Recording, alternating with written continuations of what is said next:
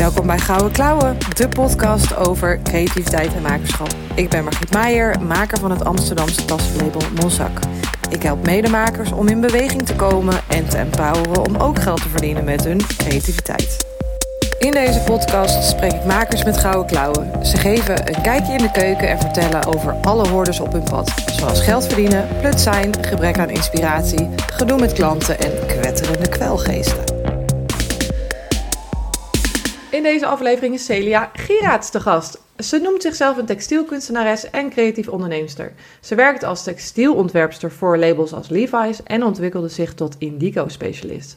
Ze geeft workshops onder haar label Blueprint Amsterdam en besteedt steeds meer tijd aan het maken van autonome kunst zonder regels van een of andere opdrachtgever. Welkom. Dankjewel voor deze mooie intro. Graag gedaan, graag gedaan. Ik ga even de mic iets verder naar je naar Dat heb je echt heel mooi samengevat. Dankjewel. Het is leuk om, leuk om even te horen hoe iemand anders dat dan, hoe iemand anders je voorstelt, hè?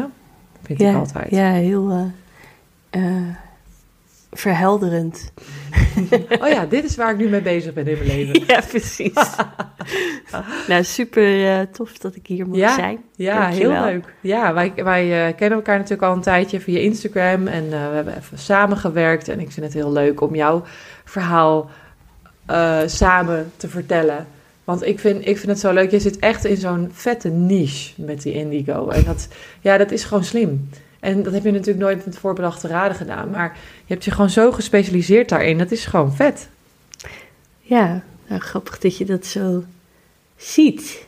Ik denk zelfs wel eens, jeetje, doe ik eigenlijk uh, wat raar dat ik dit doe. en je bedoelt dan alleen indigo? Of wat, wat vind je raar wat je doet?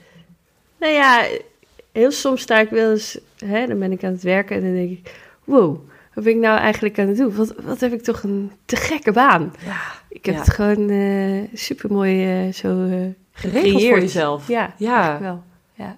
En hoe, want, want ja, ik, dat vind ik ook, die verbind, connectie voel ik met jou ook, omdat je ook uit die modewereld komt. En dat is gewoon een ja, bijzonder wereldje. Heel mm. veel in veranderd ook de laatste tien jaar. echt wel, ja, echt wel, ja, beetje een fucked up wereldje eigenlijk, als ik mm. het eerlijk mag zeggen. Waarin we allebei een soort vormen hebben gevonden voor onszelf om daar dan toch nog wel in te kunnen blijven werken, maar dan op de manier die we zelf willen. Hoe, hoe ben jij in die wereld beland? Kun je ons meenemen in, in, je, in je reis daar naartoe? Aha, ja. Moeten we even terug in de tijd. um, nou, hoe ben ik erin beland? Um, helemaal aan het begin, ik was in een jaar of 16 klaar met de HAVO. Um, oh, sorry, dan gaan daar gaan we. ik keek ja, er al naar uit. Ja, eigenlijk. ik wil meteen een ja, kopje koffie nemen. Of, is altijd zo, hè? Dat is altijd. Ja, maar zonder dat apparaat was het gewoon niet compleet. Nee, toch? ik ga wel mis als ik hier niet meer zit. Want, oh. Omdat ik de koffiezetapparaat geluid. Misschien moet ik het opnemen en dan af en toe ertussen mixen. Altijd meenemen. Sorry, je stopte met de HAVO? Nee, ik stopte niet. Ik was gewoon... Oh ja, je was uh, klaar met de HAVO, ja. Ja, um, een vroeg leerling. Um, en mijn ouders hadden, denk ik, toch wel andere plannen voor mij. Voor mijn toekomst. Uh, ik had zelf een... Uh, een ideetje. Ik dacht, nou, dan doe ik, met, uh, doe ik, doe ik de Pabo. En dan, uh, dat vond ik wel een makkelijke instap, want ik wist het even niet. En, maar in mijn hoofd had ik al bedacht, dan ga ik mijn propedeus halen en dan kan ik daarna gewoon iets anders doen. Maar eigenlijk wilde ik naar de kunstacademie. Mm. Maar je ouders, uh, wat was het plan van je ouders voor jou?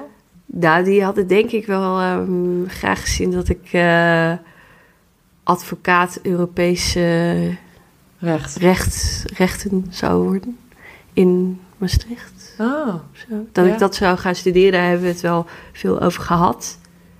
Ik voelde daar niet zo. Ja, ik voelde wel aantrekkingskracht. Ik was wel nieuwsgierig, maar ik zag mezelf niet de rest van mijn leven dat doen of zo. En was het dan eigenlijk een verlangen van hun? Wellicht. Voor zichzelf? Dat zou kunnen. Ja. En jij dacht, ik ga even een slim plannetje bedenken om te omzeilen. Nou, ik, weet nog heel exact dat ik... eh, ik deed de Pabo, dat ging super goed. ik vond het ook onwijs leuk met die kinderen. Eh, het ging gewoon heel vloeiend. Eh, maar wat ik gewoon het allertofst vond, was maken. En ik, ik tekende altijd al. En toen was ik eigenlijk aan het nadenken van... Maar wat zou ik nou echt de rest van mijn leven... Je bedoelt zo'n... Ja, een baan, een baan. Ja, dat is toch... Daar ben je veel tijd mee bezig. En dat moet ik dan de rest van mijn leven doen. Oh, dan moet ik het wel heel leuk vinden. Ja, wat Ja. vind ik dan echt heel leuk? En dat was gewoon tekenen en dingen maken. En eh, toen heb ik eigenlijk voor mezelf besloten... Maar eigenlijk, eh, hoe, hoe dan ook, dat ik dat echt eh, heel graag wilde. En toen heb ik mijn... eh, ik mocht echt niet naar de kunstacademie. Dat was een opleiding voor werkloosheid. Oh, interesting. En eh, uiteindelijk toch eh, mijn vader meegenomen naar wat nu het Amfi is. Dat heette Mhm. toen Montaigne. Dus daar is eigenlijk mijn, daar is mijn instap in de mode begonnen. En, en hij was daar wel oké mee. Dat zag er wel good enough uit voor hem. Het, is, het was denk ik commercieel genoeg en de, het slagingspercentage op, hè, op, de kans op een baan. Oh ja. Ja. Eh, die vraag die stelde hij destijds en dat was 70% dus eh, toen eh, reden we terug naar huis. En zei hij, nou ik zal tegen je moeder zeggen dat het goed is. En ja, dat was eigenlijk voor mij dan de gulden middenweg van toch iets Ja. creatiefs gaan doen. En En, en slim. En, en iets slims doen. Iets creatiefs en iets slims doen. ja, Verstandigs. ja. Ja, goed. Ik ben uiteindelijk nog steeds heel eh, blij dat ik eh, ben nagegaan wat ik nou echt leuk vond. Ja, ja. En, en aan de ene kant is de gedachte, het moet, ik moet het mijn hele leven doen, is echt super, eh, ja, dat voelt heel erg krap of zo. Van, oh, dat zal het dan zijn, dat zal het dan moeten zijn. Onvrij bedoel ik eigenlijk. en aan de andere kant is het ook heel goed dat je dat hebt gedaan, omdat je iets hebt gekozen wat echt bij je past. Ja. Hey, Ja. ik- denk dat het ook gewoon... eh, hoe zeg je dat? Dat ik er niet omheen kon of zo. Nee, nee. Ja. Wat goed. Hey, en en eh, is Amfi, daar hebben we natuurlijk veel, eh, ook in deze podcast wel veel over gehad. Was het toen al eh, best wel streng en strikt en heftig? Ja, dat was wel een eh, intensieve opleiding.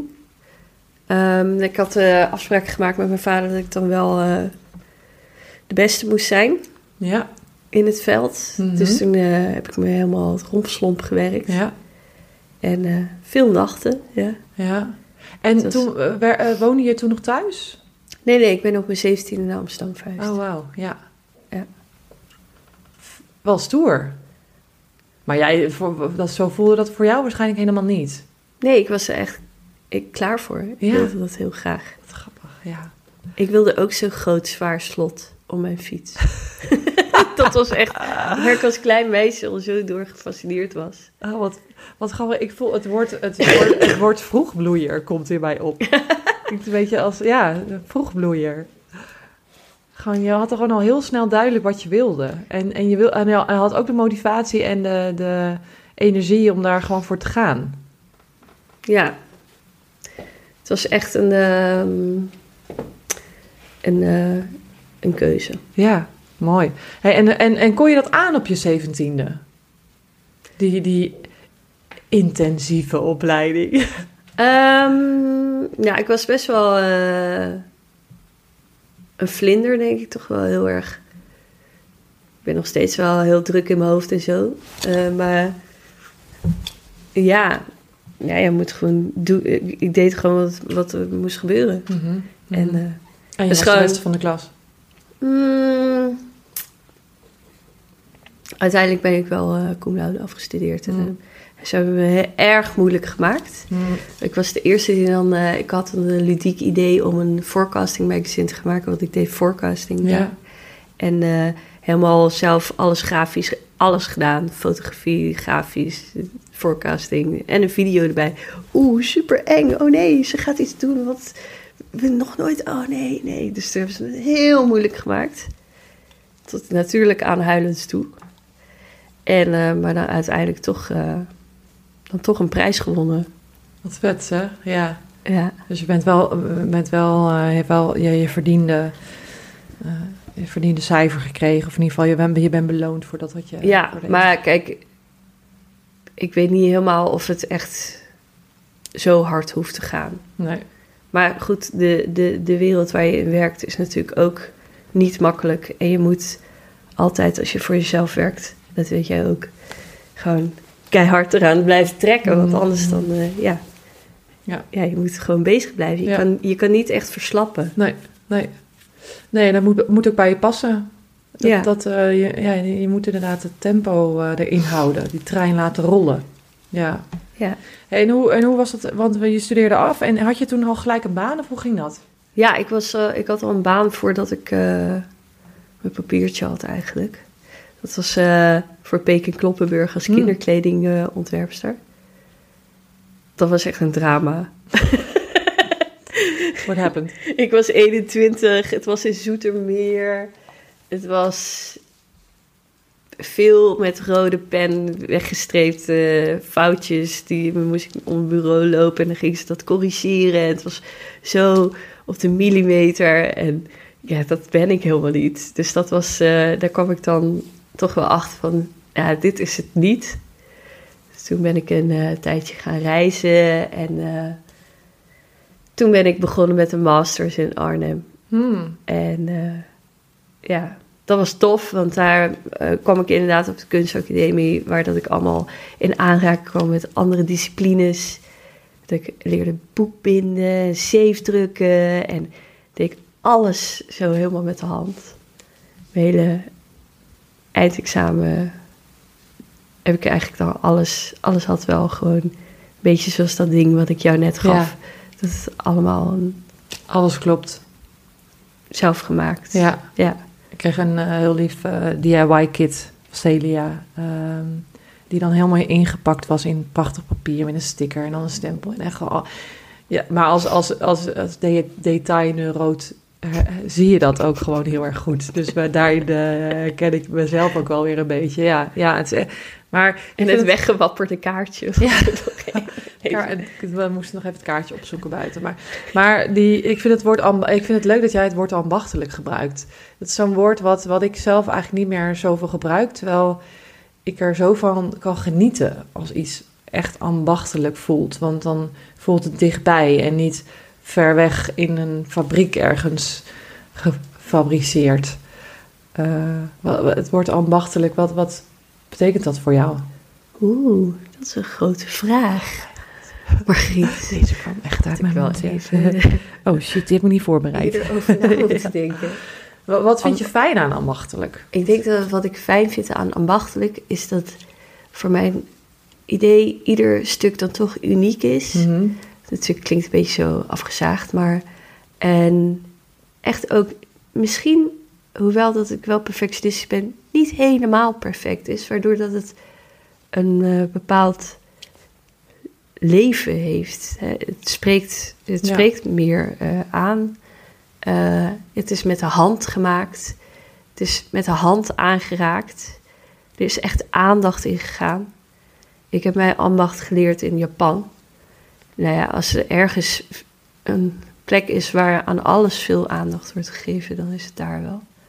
Hè, en niet gewoon, eh, ik doe alles, maar nee, we gaan dit doen en dan doen we dat heel goed en heel Mm. mooi. En ja, dat, dat, dat ehm, Zonder haast. ja, met de hand aangeraakte Ja. eh, gevoel, dat, dat, dat verschil, dat, dat merk je. Ja. eh, en net, net even dat handgeschreven ding of wat. Ja. Dat het niet, kijk, je kan natuurlijk tegenwoordig alles bestellen. Mhm. Je kan alles wat je wilt eigenlijk wel krijgen of een soort van creëren. Maar juist dat, dat ene ding wat dan toen ontstond, dat kan je heel moeilijk weer hercreëren. Ja. En dat, dat vind ik eh, heel tof.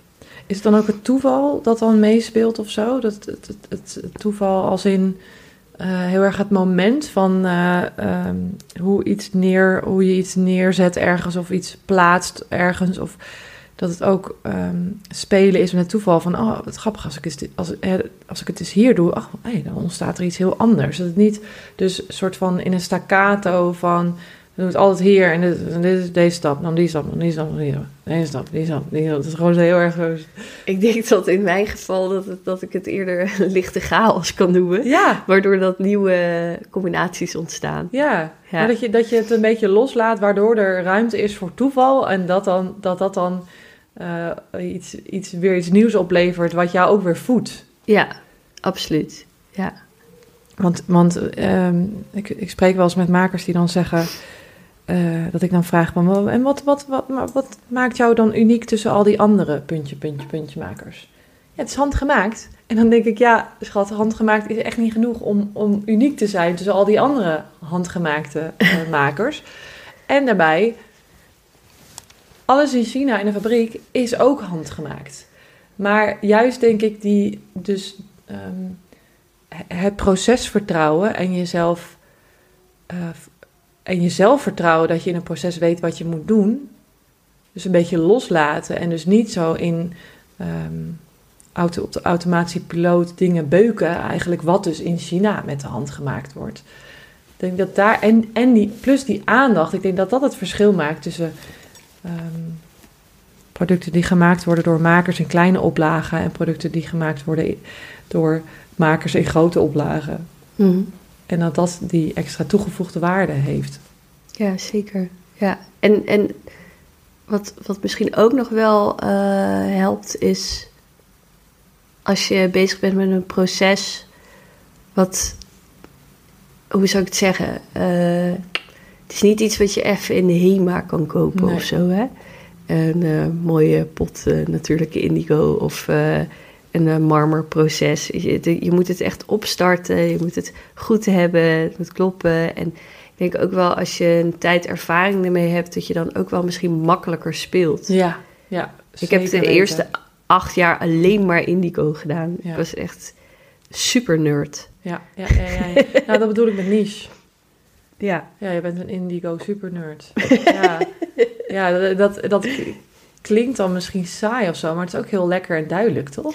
Ja, dat is het. Maar heb ik natuurlijk wel met de workshops, heb ik, um, ik heb wel um, uitgebreid. Want na acht jaar indigo dacht ik, nou, dan ga ik andere kleuren ja. creëren. Heb ik het productieatelier, een productieatelier uh, geopend. En daarvoor die recepten eigenlijk bedacht dat ik wat meer op schaal zou kunnen doen. Dus dat je, ja, dan ga je zo voorzichtig nieuwe combinaties maken. Ja, ja, ja. Dus meer innoveren eigenlijk, omdat je kan leunen op de kennis die je hebt opgedaan in al die tijd. Ja, ja en daar dan ook wel op vertrouwen. Ja. Dat ja. heb je in ieder geval of zo. Ja. Hey, en, en want je, want je, je, je, um, je bent dus gaan reizen. Ben je toen naar uh, Japan gaan reizen? Nee. Of, hoe, hoe is die, als we die cycle even oppakken, Peking Kloppenburg was het niet, toen ben je gaan reizen. Ja, dat was wel een ludieke reis. Toen ben ik gebeten door een dodelijke spin. Oh. Dodelijke spin, je weet het zo. Nee, ik, het, was, dat, uh, het was heel close. Wauw. En uh, ik denk dat dat me ook ergens... Toen ben ik geheeld door een medicijnman. Daar in Mexico. En uh, tien dagen in een hangmat gelegen. En door hem behandeld door, met ja, planten uit wow. de jungle. Ja. En um, dat heeft voor mij ook echt een uh, grote indruk gemaakt. Dat die kennis die hij had, heeft mijn leven gered. Ja. En um, dat heeft echt wel de, echt heel veel respect gegeven voor wat je eigenlijk kan met plantaardige ingrediënten. Uh, toen, uh, daarna ben ik inderdaad naar die uh, masters gegaan in Arnhem. Hm. waar ik eigenlijk oorspronkelijk wilde afstuderen met een book of knowledge. Een soort van, hè, het, wat ik dacht, oh wat erg, die jongen die gaat naar Mexico City verhuizen. Die gaat daar weg uit de jungle. Dus waar, wat gebeurt er dan met die kennis? Oh, ja. Ja. En dat, dat is blijkbaar toch altijd op de achtergrond gebleven van... Wat ik nu ook zo fijn vind, is dat, dat je kennis hebt die... Uh, uh, die, die echt wel van vroeger is. Van voordat de synthetische kleuren er waren. En dat je dat dan kan overdragen en dat je dat levend kan houden. Mm. Dat, dat is ook wel echt een, eh, iets. De, de, de kennis doorgeven Ja. eigenlijk weer. Ja, maar de, ja, de, de reis, de reis toen, toen ging ik naar de masters. Na de masters naar... Wat ging ik toen doen? Heb ik eh, veel trend gedaan voor eh, reclamebureaus. Mhm. En dat was dan echt gebaseerd op consumentengedrag en gedachtes en hoe dat ze, hè, waar dat men dacht dat er behoefte aan was. En dan op basis daarvan eh, bedenken welk eh, toegepast product tof zou zijn. Dus dan gingen we dat product ontwerpen. Klinkt niet heel ambachtelijk. Nee. Dus toen merkte ik ook op een gegeven moment, ja, ja, dit is wel leuk, maar het is een soort van luchtledig. Zo commercieel. Ja. Nou, ik had gewoon geen idee of dit nou werkelijk uit gaat komen. Of Mm. gedaan wordt. Of hè, gaat eh, de Albert Heijn of eh, gaat de Douw echt, echt dit doen. Mhm. Geen idee. En dat vond ik onprettig. Dat vond ik te... Ik had het gevoel dat ik een beetje zo niets was aan het doen of zo. Mm, Snap je? mm, Ja. Toen, ben, toen ben ik op een gegeven moment gevraagd eh, om grafisch ontwerper te worden bij Max. Ja. voor XX by Max. Ehm waardoor ik toen een rebranding heb gedaan. En, dat, en toen merkte ik echt, oh, wauw, dit is tof, dit is leuk. Met een team. Ja. Ehm, ja, en, en, en toen dacht ik, ik zou het heel tof vinden om naar Levi's te gaan. Heel, en toen werd ik, dat is, ik heb vaker dat ik iets bedenk en dan... Oeh, toen kreeg ik deze de vraag, wil jij Heel Dus- komen. ja, vond ik, dacht ik eerst, nee, ik ga niet naar Brussel verhuizen. Ik heb net een huis gevonden in Amsterdam. Ga ik niet doen. Ja, toch maar wel gedaan. Daar ben ik wel blij om. Ah. En, en dus, eh, toen heb je een tijd in Brussel gewoond. Ja, ja. Hoe lang heb je daar gezeten? Wat was het? Ja, niet lang. Het zal zijn 2,5 jaar of zo, Oh ja. denk ik. Ja. En wa- En wat, wat heb je daar eh, opgestoken in Brussel of, of bij Levi's? Ehm, het werken met eh, verschillende nationaliteiten vond ik heel tof. Die manier van kijken van hè, mensen uit verschillende landen. Mhm.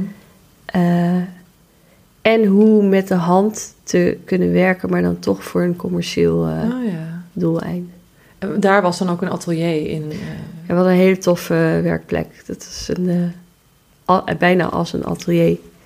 En daar zat gewoon een designteam. dus dan, als je dan iets ontwierp, kon je dat gewoon direct maken. Ja, daar hadden we wel ruimte voor, waar dat we inderdaad konden eh, met lino-snedes aan de slag konden Oh, of eh, dat soort dingen. Dus dat, dat stimuleerde heel erg om eh, daarmee door te gaan. Ja. Dus daar, daar, daar werd dat ambachtelijke wel weer even een beetje zo ontwaakt, misschien. Ja, ja en toen er sprake van was dat het creatieve team naar Amerika zou verhuizen. En toen mocht ik eigenlijk wel mee, maar toen had ik eigenlijk al... Terwijl ik daar zat, eigenlijk blueprint al bedacht, Hmm. min of meer. Ja. En wat was het idee toen? Wat het nu is. Ja, oké. Dus het is niet ontwikkeld in die, eh, in die tussentijd. Nou, het ging gewoon over... Ik zou het tof vinden om mensen in aanraking te laten komen met zeefdrukken en, eh, en verven en dingen met de hand maken. Het zou toch mooi zijn als ik dat zou kunnen overbrengen. Zou ik, oh, zou ik zo'n studio hebben en dan zou ik al die dingen daar hebben die dat ik, waarmee dat ik dat kan doen. Ja. Ja, dus... eh, en ja, natuurlijk heeft het heel veel handen en voeten gekregen, maar dat... eh, Maar daar is het geboren, het idee. ja, Dus jij wist al, hm, ik ga niet naar Amerika, ik blijf lekker in Nederland. Of ik ga weer terug naar Nederland. ja. En, en toen heb je, heb je een werkplek gevonden. Hoe is dat, hoe is dat toen gegaan? Toen heb ik eigenlijk samen met Boukje Stam, dat is ook een eh creatieveling, hebben wij samen een eh, kleine zeefdrukkerijtje overgekocht. Oh, ja. En al dat materiaal. En eh, dus hebben we eigenlijk initieel, s- be- be- heb ik dat met Boukje gestart, Mhm. Blueprint. Ehm, naar Japan gegaan, daar was hij ook bij.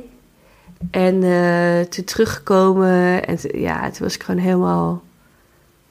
Ik stond, denk ik, zoveel mogelijk aantal uur als ik kon daar in Japan aan dat indigo vat. Hmm. En dan was ik gewoon helemaal begeisterd. En eh, ja, toen ging het van een klein vaatje naar steeds groter en groter. En, en toen kwamen er vanzelf eigenlijk workshops. En, en toen ging dat grafische werk voor die commerciële merken, Mhm. dat deed ik ook nog. Oké, ja. Maar daar merkte ik, daar kwam frictie. Want het was bijvoorbeeld een, een bepaald merk, wat ik niet zal noemen, maar je zegt van, kan je dit maken en dan heb je eh, zoveel tijd voor, en, maar we willen het handgemaakt en dan, eh, en dan twee dagen later wil je eigenlijk allemaal andere kleuren. Of kan je dit eh, even, ja, maar het moet wel voor dezelfde prijs. En toen dacht ik, maar dit is helemaal, ik heb helemaal niet de goede ontvanger Nee. van mijn werk. Ik moet, hier moet ik een beslissing in gaan maken. Toen heb ik vrij abrupt na die klus gezegd: ik ga nooit meer voor jullie werken. De volgende keer mag je iemand anders zoeken. Ja, Eh, en hoe reageerden ze? Oeh. perplex, denk ik. Ik weet dat niet meer heel precies. Eh, ik weet wel nog dat mijn ex het reuze spannend vond. Omdat ik natuurlijk iets stopte wat gewoon inkomst Ja, gaf. Maar ja. ik had zelf een hele, echt wel de overtuiging dat, dat ik moest gaan kiezen. Hmm. Net als wat jij hebt gedaan. Mhm. Omdat je dan ruimte geeft aan ja, waar je eigenlijk naartoe wil. Ja. En als je maar probeert de hele tijd alles te doen. En iedereen blij te maken. Ja, Ja, dan kom je niet, eh, dan kan je niet die diepte in. ja. Ja, en de diepte is dan, dat- is dat dan echt creatieve vrijheid? Of wat is die diepte dan voor jou? Hoe zie je dat? Nou, iets heel erg goed doen. Ja, Dus en niet eh, proberen dat, dat klusje en dat klusje en dat klusje. Nee, een keuze maken en duidelijk zijn. eh, nou, ik ga nu voor Blueprint. En Blueprint staat voor... eh, nou, het is een eh, ambachtelijke ontwerpstudio.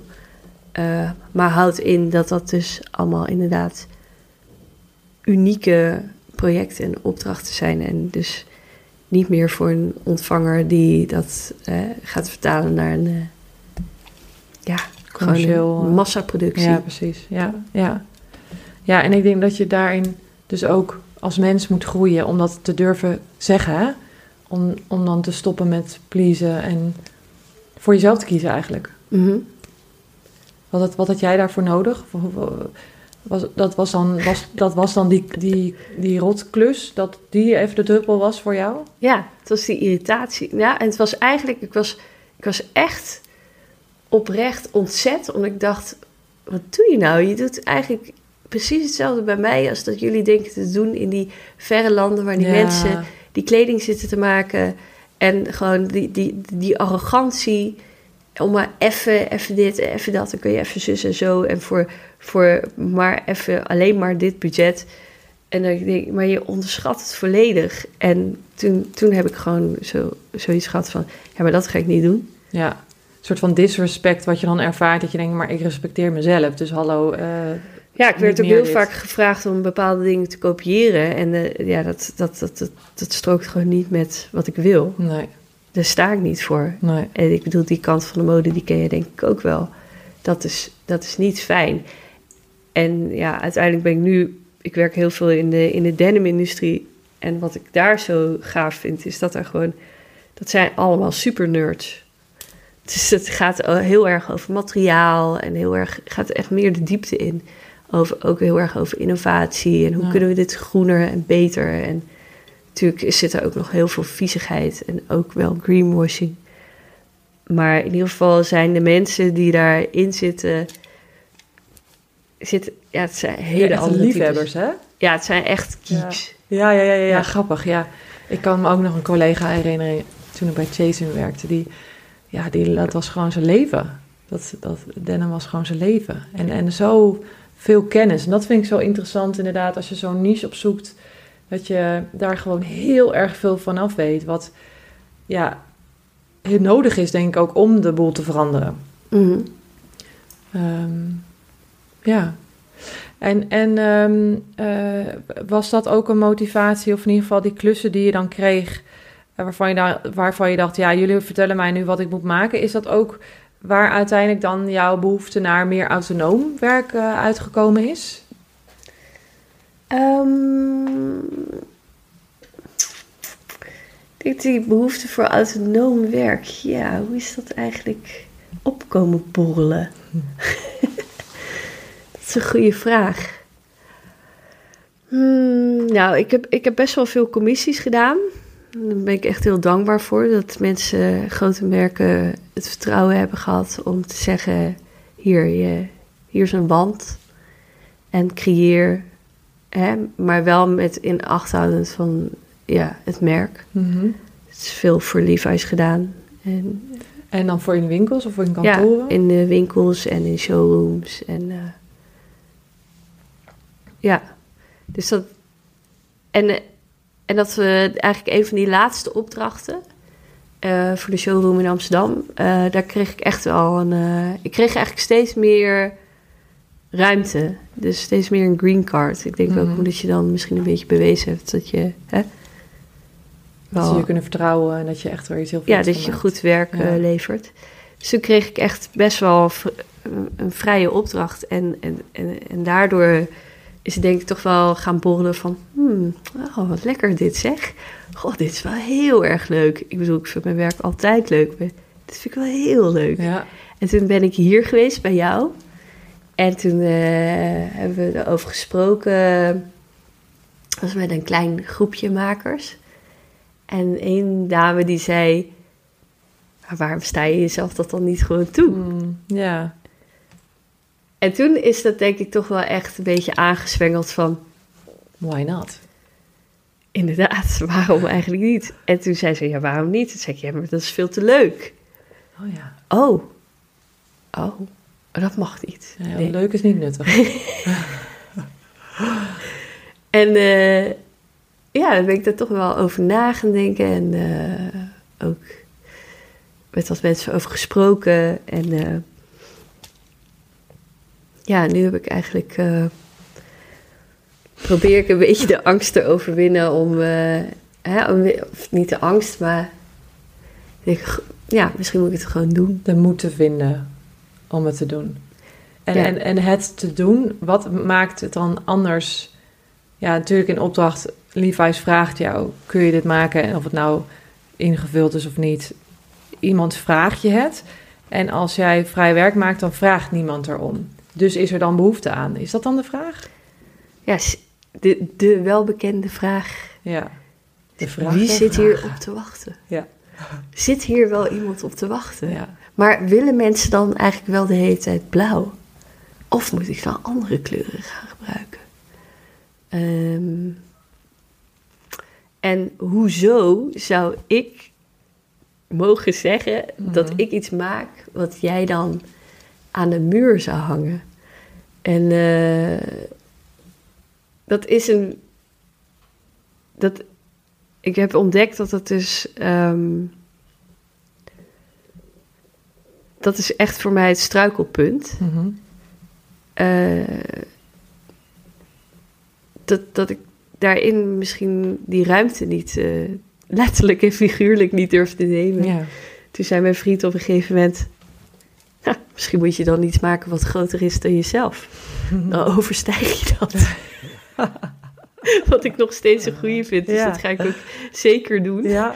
Iets net één centimeter groter dan mezelf. Ehm, en ook toch wel heel erg ehm, over nagedacht wat het dan is. Wat, wat, wat staat er tussen mij en dat te doen? Terwijl ik toch de hele tijd maak. Maar waarom mag ik dat dan niet van mezelf? Heb ik toch het idee dat nog steeds dat zinnetje van kunstacademische opleiding voor werkloosheid ja, dat denk ik ook. Ja. echt, er echt nog steeds in zit.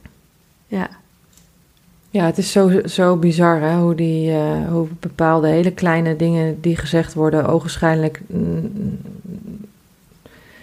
geen impact hebben, maar de rest van je leven jouw gedrag bepalen. op dat stukje. Ja, op dat stukje, ja. Ja, Ja. ja en, en inderdaad die ruimte in durven nemen omdat jij er blij van wordt, eh, is dus eigenlijk dan te veel gevraagd of zo. Want, want het gaat niet over jou. Of het moet eh, nuttig zijn. Of, eh, ik denk dat- een menigmaker hiermee kampt. En dat is ook waarom het zo knap is als je het wel doet. Omdat je eh, dus echt helemaal voor jezelf durft te gaan, los van wat de ander daarvan vindt. Dus dat je het doet om jezelf te voeden.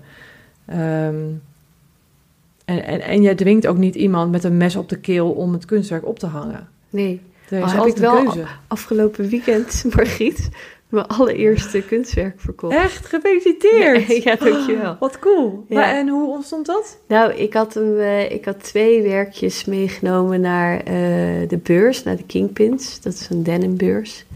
Daar kwam, nou, daar kwamen meerdere mensen, maar ik had het eigenlijk meegenomen als een soort van oeh, voorzichtig zo ertussen gezet. En af en toe even aangewezen, ja, ik ben nu ook daarmee bezig. Ja. En eigenlijk gewoon heel voorzichtig te toetsen. Nou, wat, hoe zouden mensen reageren? En als ze nou een soort van hm, niet geïnteresseerd zouden zijn, dan, dan zou ik hem weer zachtjes aan van het toneel afhalen. Maar er was één eh, man die, eh, nou, er waren wel meerdere mensen die dan zoiets hadden, ah, dat vind ik wel. ah. Ja. Eh, maar toen zei ik dat, ja, maar ik verkoop het niet. Want dat maakt het dan makkelijker voor jezelf. Ja, nou, ik, ik liet het werkje eerder zien aan een, eh, aan een goede vriendin. En die zei, dat wil ik wel van je hebben. En toen werd ik meteen helemaal ongemakkelijk. Toen dacht ik, oh, maar dat kan niet. Want het is een... eh, ja, dit is ook een referentie voor mij. En ik moet het houden. En, eh, maar dit was nog helemaal niet af. En misschien is het niet goed genoeg. En eigenlijk moest het nog... ging ik allemaal... Allemaal smoesjes. Ja, dus ik heb dat niet aan haar gegeven. Of ik zei van, misschien later. Mhm, mhm. Nou, dat werkje heb ik dus verkocht afgelopen weekend. Was het dan fijner om het dus aan een onbekend persoon te verkopen? Mm, Ja, misschien eh, heb je daar een punt. Ik vind het altijd zo interessant dat het spannender is om geld te vragen aan iemand die je kent... Ja, absoluut. dan iemand die je niet kent. Ja, ja ik heb ook tegen haar gezegd, ik, later zei ik, sorry, ik heb dat... Ik heb het nog niet aan jou gegeven of verkocht. Ik dacht, ik, ja, want ik moet er dan eigenlijk gewoon geld voor vragen. Want dat zei Sayu, mijn vriend. Mm. Die zei, ja, Mm. hallo, maar het is wel Ja, jouw werk. zeker. En dan moet ik jou geld gaan vragen daarvoor. Ja, ja en, en het was nog misschien net iets te vroeg.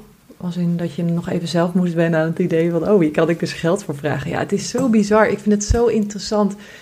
Wat gebeurt er in je hoofd als je dus iets met je handen maakt... niet in opdracht... eh, zonder regels, zonder kaders, in alle vrijheid... eh, zoals je het liefst bezig bent...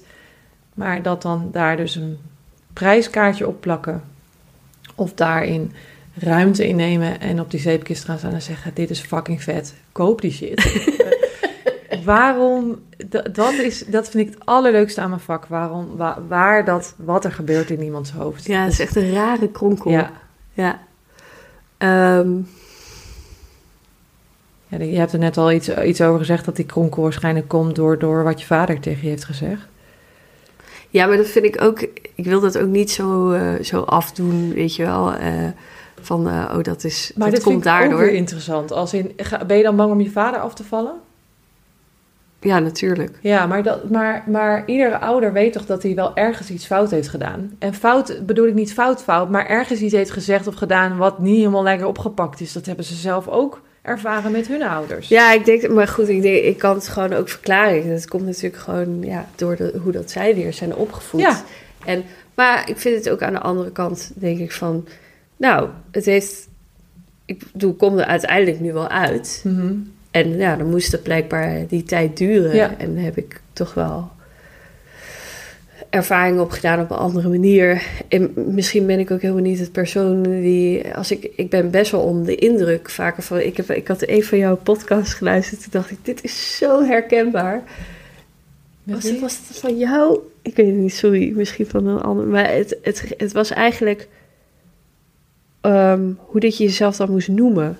Mm, mm. Maar, maar kan ik mezelf dan kunstenaar noemen Oh ja, als ik niet ja. een keurmerk heb? Dat Ja, jij met je tas het liefst naar Bali wilt gaan. Ja. ja, zeg maar tegen mij dat ik nu tassenmaker ben. Ja, Ja, ja.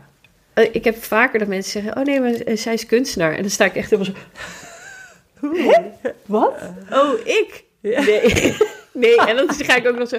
Nou, niet kleiner echt. maken. Ik, ja, ik zou zeggen toegepast kunstenaar, want en dan ga ik het een beetje wegmaken. Terwijl ik eigenlijk daar best wel trots op zou zijn. Ja, en, dit is, dit is, en dit gaat eigenlijk niet over wat er.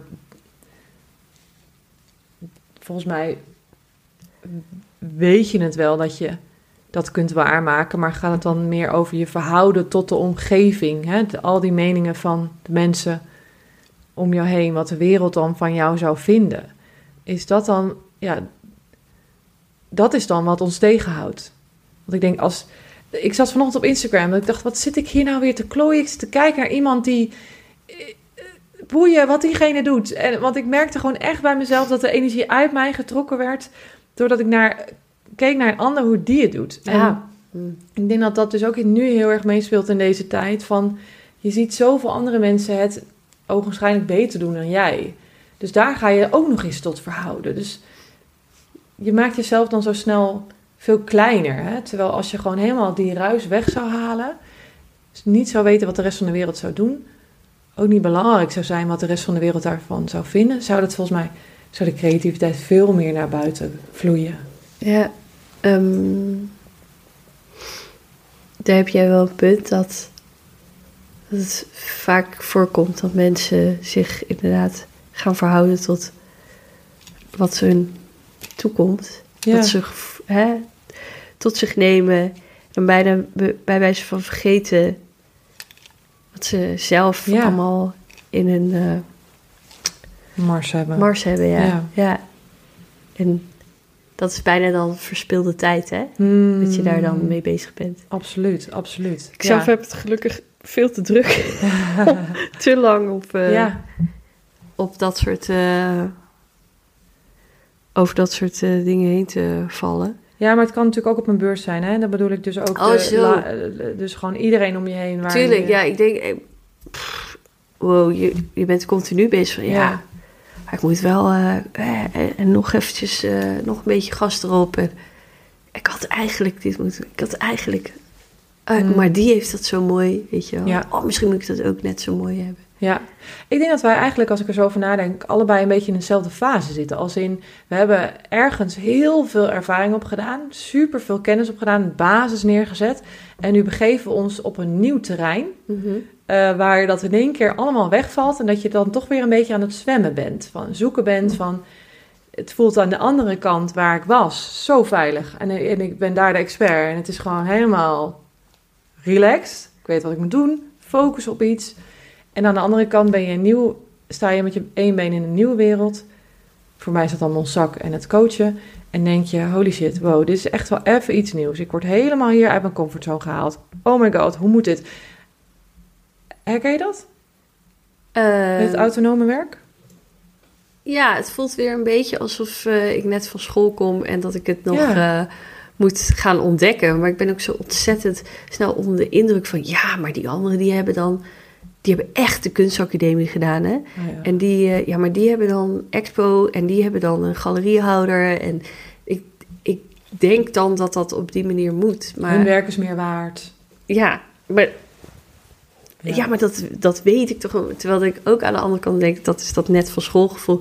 Ja, dan moet ik het maar gewoon gaan eh, proberen. Ja, ja en ik, En voor jou natuurlijk ook, denk Ja. ik. Gewoon, je, eigenlijk weet je het wel, hè? ja, ja, Dat je ja, het maar, kan. Ja, maar jij ook. Dat, maar dat, dat bedoel ik, als je al die ruis weghaalt, dan weet je gewoon waar je goed in bent. Als je, als je in het hier en nu bent en je adem haalt en je je schouders laat zakken, dan, dan weet je wat je kan.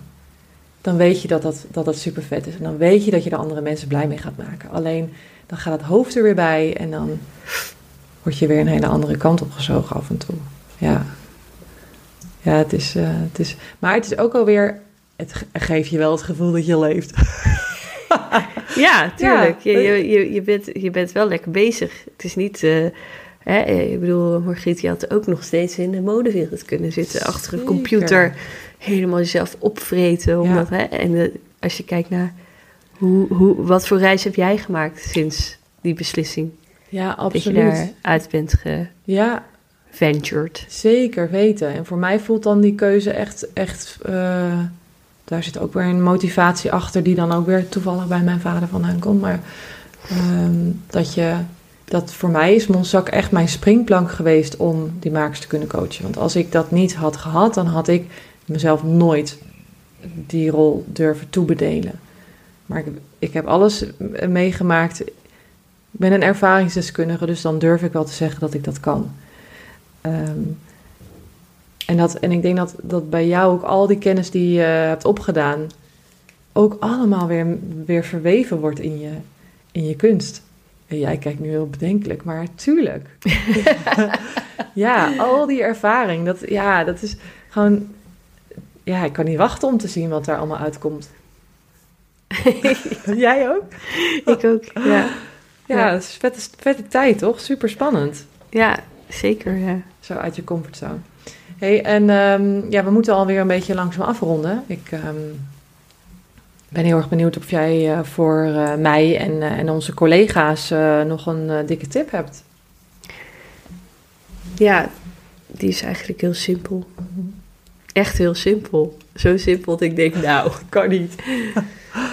um, ik denk dat je het zelf ook wel eens hebt meegemaakt. Dat je een, um, een vraag krijgt mm -hmm. voor een opdracht. Dat je eigenlijk al vrijwel direct aan het begin denkt... Hmm, ik weet het niet. Ja. Ah, voelt niet helemaal lekker. Moet ik dit wel doen? Of een gedachte hebt over iets. Dat heb ik toch wel echt de afgelopen jaren geleerd. Volg dat buikgevoel. Mm. Het moment dat je denkt, dat je denkt, dit wringt, dit voelt niet vanaf het begin. Ja. Wees dapper om te zeggen, nou, dat gaan we dan niet doen. Ook al, hè, ook al zit je te springen voor een opdracht, dan zou je nog beter kunnen zeggen: Nee, het voelt niet goed, dat gaan we dus niet doen. Uh, en dan is er, ontstaat er een ruimte voor iets anders. Dat heb ik echt vaker meegemaakt. Dat ik die lastige beslissing heb genomen van weet je, iemand die dan zegt, ja, superleuke workshops, maar ja, ik heb eigenlijk maar 500 euro, maar kan je dan uh, voor 15 mensen uh, en dan uh, opbouwen en workshops geven en alles de hele avond en nog met een team van drie mensen? Hm, nee, eigenlijk niet. En dan zeg je nee. En dan ineens roep, komt er zo'n hele toffe grote klus aan. Hallo. Oh, ja. oh, Oh, dat is op diezelfde dag. Nou, ben ik toch blij dat ik uh, die mensen die weer voor een dubbeltje op de eerste rij wilden zitten, toch heb gezegd dat, ik, dat we dat helaas niet kunnen doen. Ja, je, je, je wordt gelijk beloond. Nou ja, per ongeluk nee, ja, is dat dan zo gebeurd. Ja, maar, nou, ik denk niet dat dat per ongeluk is, maar ja. En dan vind ik, vind ik dan wel mooi dat je, dat je op een gegeven moment, omdat je inderdaad al dit wel langer doet, mm -hmm. dat je denkt, nou, dat is gewoon. Uh, maar het is ook een stukje.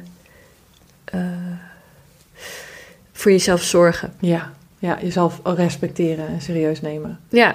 Ik denk dat je dus ook, ik ben, niet, ben benieuwd of je het daarmee eens bent, dat als je zelf twijfelachtig bent, dat je ook twijfelachtige klanten aantrekt. En als je zelf jezelf respecteert, goede prijzen vraagt, dat je ook klanten aantrekt die goede prijzen betalen. Ja, daar komt wel een schifting dan, ja. Uh, wat natuurlijk ook super spannend is. Ja. Uh, maar nogmaals, in, in de tijd die dan over zou blijven, kan je ook weer bij wijze van ander werk gaan doen. Mm -hmm. En ik denk zelf altijd, ik heb mijn leven lang gewerkt, vanaf, vanaf mijn dertiende besjes plukken, toen in de frietent gewerkt. Dat je, gewoon altijd ben ik bezig geweest. Ik kan me gewoon niet voorstellen, al komen er nou, natuurlijk heb ik ook wel, dat is een van mijn kwelgeesten, oh, oh nee, het is wel heel rustig. Ik weet niet of dat er nog uh, nee. werk binnen gaat komen. Ja. Oh jee, oh jee. Ja. Ga maar weer wat duwen en trekken eraan. Ja, dat je toch erop kan vertrouwen als je, hè, als je wil, kan je werken. Ja. Ja, ja, ja, ja, precies. Als het echt nood aan de man komt, dan kun je gewoon beestjes gaan plukken. Ja, ja. Ja. ja. Ja, ik, dan, ga, ik nog even één ding zeggen, want ik, ik daarbij aansluitend, wat, je hebt over het woord moed. Ik heb laatst gehoord dat er een, um, in Amerika is een onderzoek naar een heel erg uh, succesvol kankermedicijn. En ze hebben ontdekt dat dat, dat te maken heeft met een um, stofje en dat heet leukin 1. En dat stofje maakt je lichaam dus zelf aan als je bravery laat zien. Mm. Dus als je moed laat zien. Dus als je moedige dingen doet, maakt je lijf een stofje aan wat dus kanker kan eh, genezen. Dus wat zo sterk is en gezond is voor je lijf. Dus ik vind dat zo'n mooie motivatie om vaker moediger te zijn. Mm. Absoluut. Dus ik hoop dat, dat jij thuis staat. Dat, dat jou thuis dat ook motiveert om moediger te zijn. Ik wil je super bedanken voor je verhaal, Celia. Ja, dankjewel voor dat ik mocht komen. Ja, heel erg graag gedaan. Eh, leuk dat je hebt geluisterd naar deze podcast. Volg me vooral op Instagram, Margriet Meijer.